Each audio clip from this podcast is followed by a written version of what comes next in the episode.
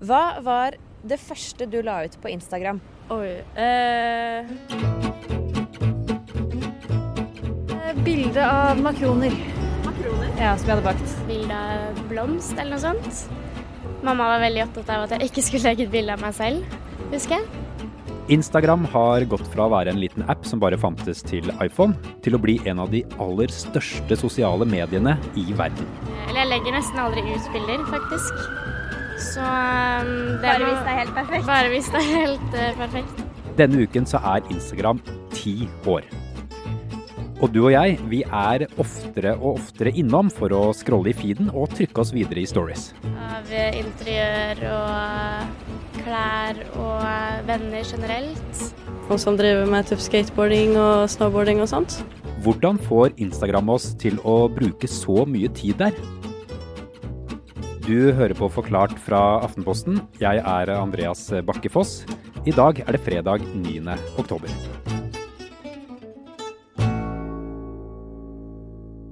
Anders, Mhm. vet du hvor mye en hipster veier? Eh, det aner jeg ikke. Et Instagram. Hvor mye forteller den eh, vitsen om hva Instagram var i starten, egentlig? Det forteller vel at det var en uh, liten, uh, smal ting for noen få uh, utvalgte løkka hipstere, eh, kanskje også i Los Angeles for noen år siden, og som nå har blitt en veldig, veldig, veldig stor og dominerende ting i, over hele verden. Nå er du kulturjournalist i Aftenposten, Anders Weberg, men det var du ikke i juli i 2012. Og da la du ut ditt første bilde på Insta. Husker du hva det var? Eh, enten så er det et bilde av eh, et vinglass foran ei elv i Sogn og Fjordane, eh, i Førde. Eller så er det et bilde av ei Batman-truse som jeg kjøpte. Eh, og ikke brukte så mye, men kjøpte. Det er en av de to. Jeg tror det er vinglass. Ja, ok. Så synd at jeg sa det med Batman-trusa. Men er det noe du ville lagt ut i dag? Nei. Det er ikke så rart, for eh, Instagram er jo blitt noe helt annet eh, enn det var da det kom for ti år siden. Plattformen har endret seg mye fra da det var en kronologisk feed, tolv eh, fargesterke filtre og lav oppløsning på bildene. Instagram har hatt en helt utrolig effekt på det internett som vi kjenner i dag, og det som vi bruker og ser rundt oss hver eneste dag. Fra å ha vært litt sånn eksperimentelt på et tidspunkt med, med mye tekst og ting litt sånn uh, plassert her og der, så har mye av internett blitt til en velskrudd feed, en strøm, evig strøm av innhold, og det er dominert av bilde og video. Uten at Instagram hadde kommet inn, sånn som de gjorde for ti år siden, og satte den tonen med det visuelle, sånn som det er blitt nå i dag, så hadde ikke internett sett ut sånn som det nå gjør det. Men hvordan skjedde det? Det skjedde veldig mye med disse her filtrene som kom. Da eh, Instagram kom for ti år siden, så var mobilkameraet ganske dårlig. De tok ikke noe særlig bra bilde, men gjennom å legge på disse her Instagram-filtrene, så kunne en gjøre alt en tok ganske mye penere og diggere og mer interessant. da. Du retusjerte bildet ditt, rett og slett? Du rett og slett retusjerte bildene dine, og du begynte å få likes, og du fikk alle disse her endorfinene i hodet som ble utløst av å få masse likes av vennene dine her, og så, så har det bare vokst og vokst etter det. Og det har gjort at vi har fått ting som eh, eh, Finn annonser for leiligheter som reklamerer at dette er en Instagram-vennlig leilighet. Hva var det som gjorde at de klarte å vokse seg eh, til å bli så enorme? I stor grad så er det nok da at eh, i 2012 så kjøpte Facebook Instagram.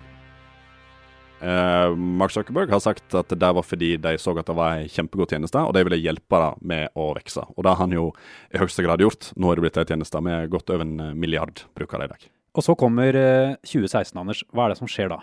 I 2016 så endra eh, Instagram form i veldig stor grad, eh, og de lanserer da det som eh, heter stories. Det var da sterkt inspirert av Snapchat sine stories, og da handla det mer om at du kunne legge ut en historie og vise hva du drev på med, vise hva som var kult, og så lå det der i 24 timer. Og nå er det det som har blitt det dominerende. Stories er jo én ting, Anders. Var det mer som kom? I tillegg så kom jo muligheten til å sende direktemeldinger til vennene dine, eh, og masse andre ting som gjorde Instagram til en mer sånn fullstendig plattform, der du kunne bruke uh, veldig mye mer tid. Og det har jo endt opp med at nå sier Instagram at brukerne under 25 i hvert fall, i snitt bruker rundt en halvtime på appen hver eneste dag. Med alt det som eh, skjedde i 2016, hvordan satte det tonen for det som skulle komme senere? Da alle disse funksjonene kom og stories ble en stor ting, så lagde det en motorvei for de vi kjenner som influensere i dag. Eh, de har skapt en markedsplass for å selge enormt mange produkt. Men så har også eh, det ført til en litt sånn mørkere side av Instagram.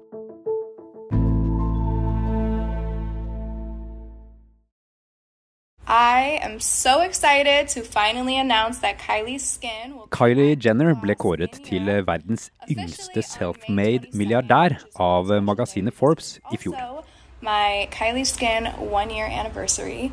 So thank you guys for all your support. Hun og resten av søsknene ble kjent som barna i realityshowet om Kardashian-familien. Men siden da så har hun hatt en voldsom suksess med å selge kosmetikk og jobbe som influenser.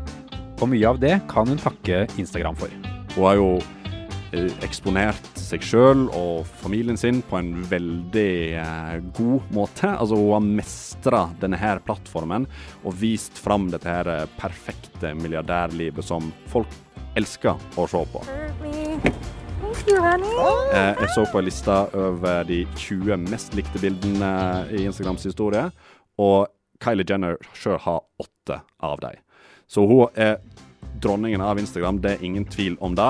Og gjennom det så får du denne her enorme gjenkjennelsesverdien som gjør at folk også vil kjøpe produktet hennes, så hun kan selge annonser for mange andre ting, som gjør at pengene bare ja, renner inn.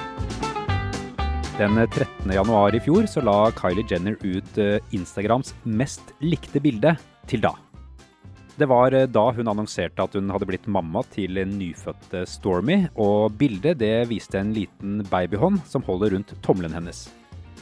18 millioner likes fikk det bildet. Men den rekorden, den fikk hun ikke beholde lenge. Noen artige folk fant ut at denne her rekorden, den skal vi slå. Så de lagde kontoen uh, World Record Egg, la ut et helt enkelt bilde av et egg Eh, og så utfordra de eh, internettet til å se hvor mange likes eh, de kunne få. Og de vant. Det er det eh, bildet som har aller mest likes i dag. Hvor mange likes er det?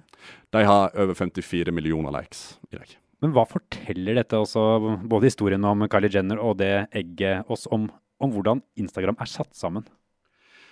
For det første så forteller det jo oss noe om hvor utrolig glad folk er i en utfordring og kaster seg på en trend på internett som får ting til å vokse opp.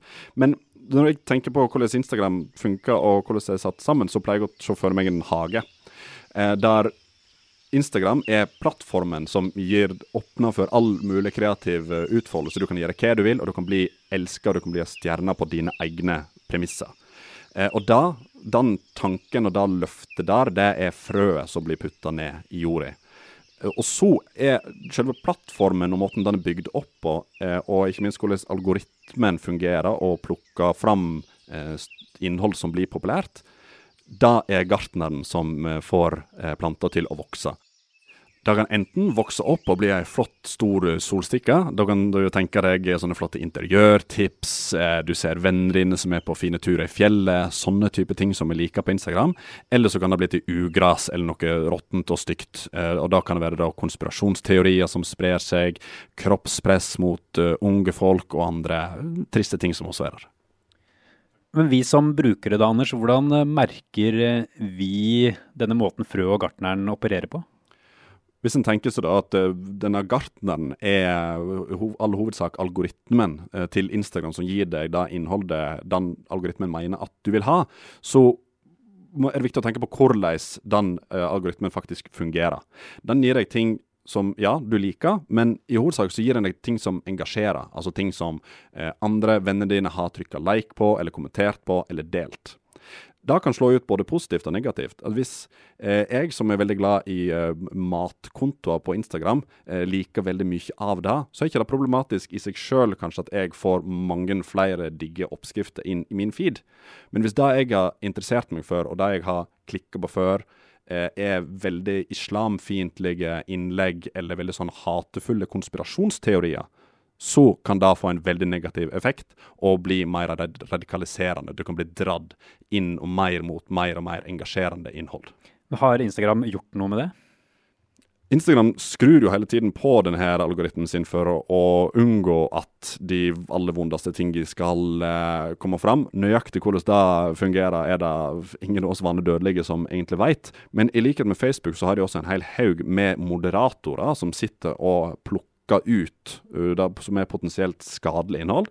Og det er også ganske avansert kunstig intelligens som går rundt og skal kjenne igjen om ting er farlig eller ikke, og kan plukke opp da eventuelle nøk enkelte nøkkelord eller enkelte støtende bilder og sånne type ting. Men problemet med dette her er at eh, Facebook og Instagram har hatt en ganske sånn tilbakeholden linje på å ta stilling til hva som er greit og ikke greit. De vil ha en litt sånn fritt eh, ytringsrom på sine plattformer. Det er én ting. En annen ting er at veldig mye av, er avhengig av hva brukerne sjøl, altså meg og deg, hva vi rapporterer inn og vi syns er støtende. Har du noen eksempler på det? Et veldig vanlig eksempel å snakke om eh, her er jo hva som skjedde under USA-valget, presidentvalget i 2016, da Donald Trump ble valgt eh, til president. I ettertid så har det jo vist seg at eh, Facebook fått, hadde en veldig stor rolle der. Uh, russiske trollfabrikker osv. brukte den plattformen til å spre veldig mye engasjerende innhold. Eh, med et ønske om å forvirre og skape kaos i samfunnet rundt valget. Det som ikke er blitt uh, diskutert så mye, er at disse trollfabrikkene faktisk nådde flere folk og fikk flere likes gjennom å bruke Instagram.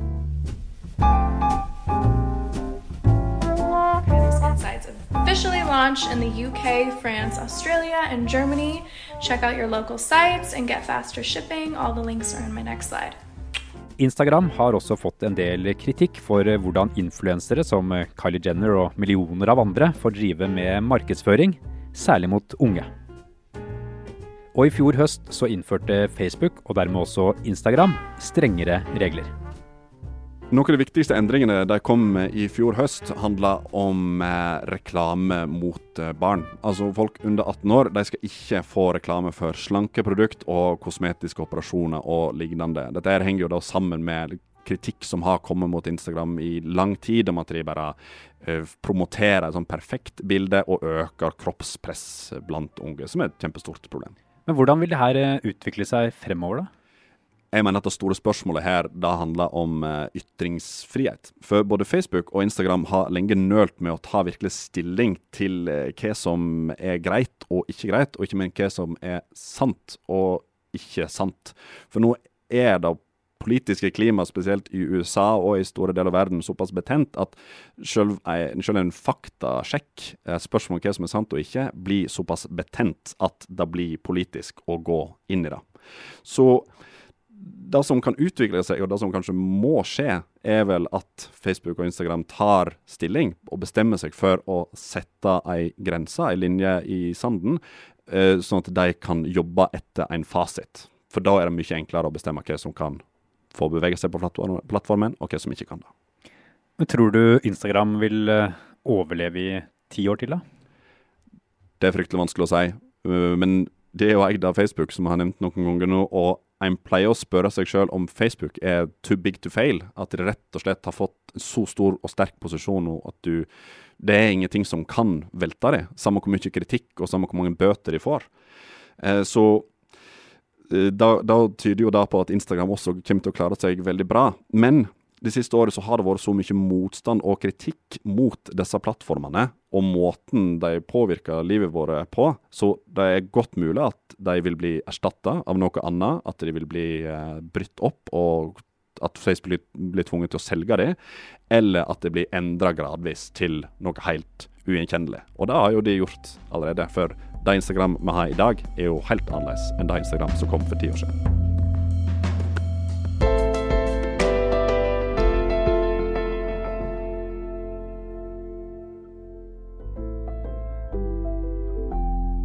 Denne episoden er laget av produsent Anne Lindholm og meg, Andreas Bakkefoss. Resten av Forklart-teamet er Fride Næss Nonstad, Marit Eriksdatter Gjelland og Karoline Fossland. I denne episoden har du hørt lyd fra Instagram-kontoen til Kylie Jenner. Hei, jeg er Lars Glomnes og er programleder i Aftenpodden USA, en ukentlig podkast som tar for seg amerikansk politikk nå fram mot valget. Eh, men hvis du vil høre den utgaven som vanligvis har kommet på tirsdager i Aftenpodden-feeden, så må du nå gå til enten aftenpodden.no på nettsidene, da får du alle Aftenpodden-episodene. Eller hvis du har en iPhone, så kan du gå til Aftenposten-appen, trykke på lytt nederst i menyen der, og der får du alle Aftenpostens podkaster, inkludert Aftenpodden USA, som nå er tilgjengelig for abonnenter.